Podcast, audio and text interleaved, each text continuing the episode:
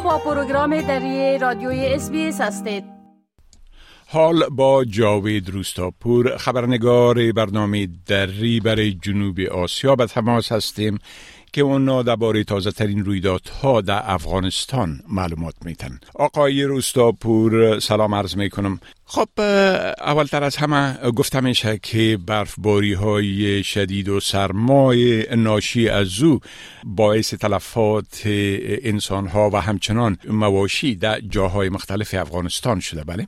با سلام وقت شما بخیر. آقای شکیب بله امان گونه که شما اشاره کردیم در پی شدت سرما در روزهای گذشته ده در ولایت مختلف افغانستان به شمول صدها مواشی جان باختند وزارت دولت در امور رسیدگی به عوارض طبیعی طالبان تایید کرده که سردی هوا جان دست کم 16 تن را در چهار روز گذشته در ولایت های بادغیس، نیمروز، فاریاب و غزنی گرفته است. مسئولان این وزارت گفتند که افزون بر جان باختن این 16 تن بیش از 3000 حیوان نیز در این ولایت ها در ولایت های گوناگون افغانستان جانهای خود را به دلیل شدت سرما از دست دادند.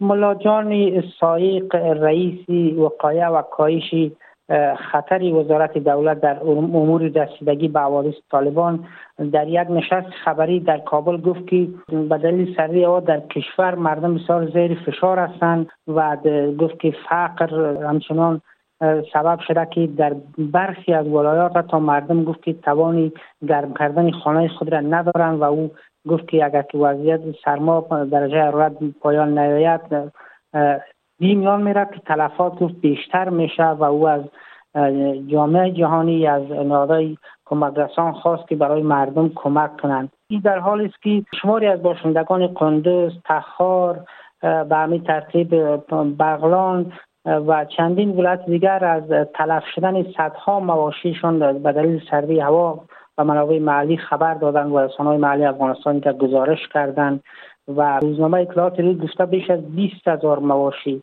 به دلیل سردی هوا در روزهای گذشته تلف شده در حالی است که در برخی مناطق افغانستان از جمله بامیان و بدخشان تا 38 35 و 38 درجه زیر صفر سردی هوا رسیده.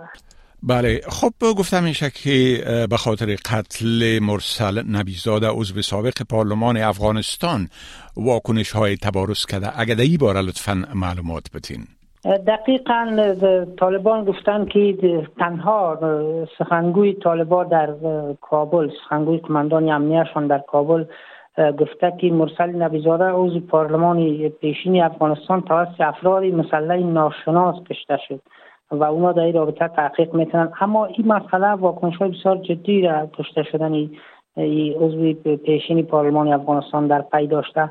از افراد عادی در شبکه های اجتماعی گرفته تا عضو پارلمان اروپا و همچنان اعضای پارلمان پیشین افغانستان و سیاسیون و قتل این خانم واکنش نشان دادن و گفتند که در کابل و در افغانستان هیچ کس مسئول نیست و به نوی در این قتل طالبان را دخیل دانستن گفتن که اگر طالبان خودشون عمدن به قتل نرسانده باشن احتمالی از وجود دارد که افراد طالبان که بیشتر یا عقدمند هستن این خانم را شاید به قتل رسانده باشند.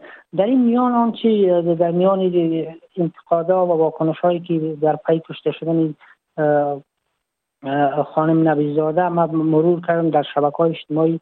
چند تا بسیار مهم بود و بسیار جالب بود. یکی ظریفه غفاری شاروال پیشین میدان وردک. پس از گفته که در واکنش به این مسئله گفته گفته پس از فرمان عفو عمومی رهبران طالبان نه تنها دهها زن کشته شکنجه تحقیر و ناپدید شدند بلکه گفته از تحصیل کار نیز محروم شدند. خانم غفاری به نوی به عنوان تنز کنایه گفته آیا دستی امیرالمومنین در پشت قتل های در پشت قتل مرسل نبیزاده و سرکوب زنان افغان است؟ یا دست صادر کنندگان کیسه های دلار که اشارهش به طرف هفته چهل میلیون دلاری که به طالبا وارد می‌شد به ای است. به همین ترتیب محمد معقیق هم واکنش نشان داد. نصیر احمد فایق سرپرست نمایندگی افغانستان در سازمان ملل در واکنش با این مسئله گفته که در افغانستان هیچ کس مسئول نیست و هیچ کس هم پاسخگو نیست. رحمت الله نبیل رئیس پیشین امنیت ملی فوزیه کوفی عضو پیشین مجلس نمایندگان و از اعضای مذاکره کننده ایت صلح هم تاکید کرده که وضعیت برای خانم ها و خصوصا خانم هایی که فعال سیاسی هستند فعال مدنی هستند خطرناک است و تاکید کرده که طالبا خان نخواد در پشت این قتل دست دارند به همین ترتیب ده ها تن از فعالان سیاسی مدنی و فعالان حقوق زن به شمول شکریه بارگزای ولی آنچه تا کنون مبهم است که طالبان بسیار کوتاه و بسیار مبهم گفتن که افراد مسلح ناشناس خانم را به قتل رساندن و گزارش شده که یک محافظی خانم و برادرش هم زخمی شده و وضعیت برادرش بسیار وخیم است گفته میشه. بله خب از رحمت الله نبیل گفتین خبر تاسیس یک حزب نو به رهبری آقای نبیل گفته میشه که منجر به عکس های فراوان شده. بله. بله رحمت الله نبیل رئیس پیشین امنیت ملی افغانستان با اعلام موجودیت حزب زیر ایمان حزب ملی آزادی افغانستان گفته که حکومت غیر متمرکز می خواهد زیرا از نظر او یکی از دلایل اصلی سقوط حکومت ها تمرکز قدرت است. همزمان آقای نقیل همزمان با که روز گذشته اعلامیه ای را در مورد موجودیت حزبش نشر کرد و این اعلامیهش در شبکه اجتماعی دست به دست می‌شد واکنش های طویل چند پهلوی را با خود داشت.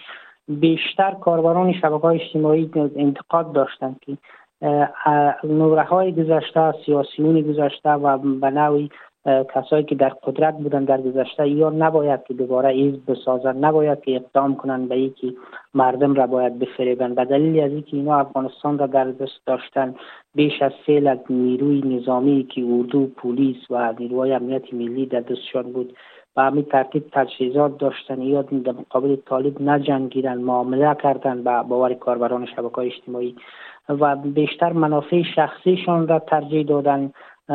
بخش هم گفتن که افراد غیر مسلکی را آوردن در پستها جابجا کردن. همشان متهم هستن همشان گفتن در حق مردم خیانت کردن و مردم افغانستان امروز هر چی می‌کشن از ظلمی را که از دست طالبان می‌بینن. عامل اصلیش گفتن رهبران پیشین و مقامات حکومتی پیشین هستند یک کاربر گفته که به زخم مردم نمک نپاشین و بگذارین. آنچه را کردین مردم حالا تاوانی از او را پس می‌پردازند. شما حق حرف زدن را ندارین. بله. یک کاربر دیگه هم گفته که بسیار کوتاه اگر است گفته که فقط اگر دستتان را بر پیشانیتان بکشین ببینیم که آبرو دارین یعنی حالا هم حرف می‌زنید ای در حال است که چندی پیش هم چندین یکی دو تان به شمول معاون رئیس جمهور این ساخت و همچنین واکنش های مشابهی را در پی داشت که او را متهم کرده بودند که حق ندارین دوباره به سرنوشت مردم بازی کنیم بله خب بسیار تشکر آقای روستاپور از این معلوماتتان و فعلا شما را به خدا می سپارم. روزتان خوش. وقت شما خوش خدا حافظ ناصرتان. بپسندید شریک سازید و نظر دهید. اسپیس دری را در فیسبوک تعقیب کنید.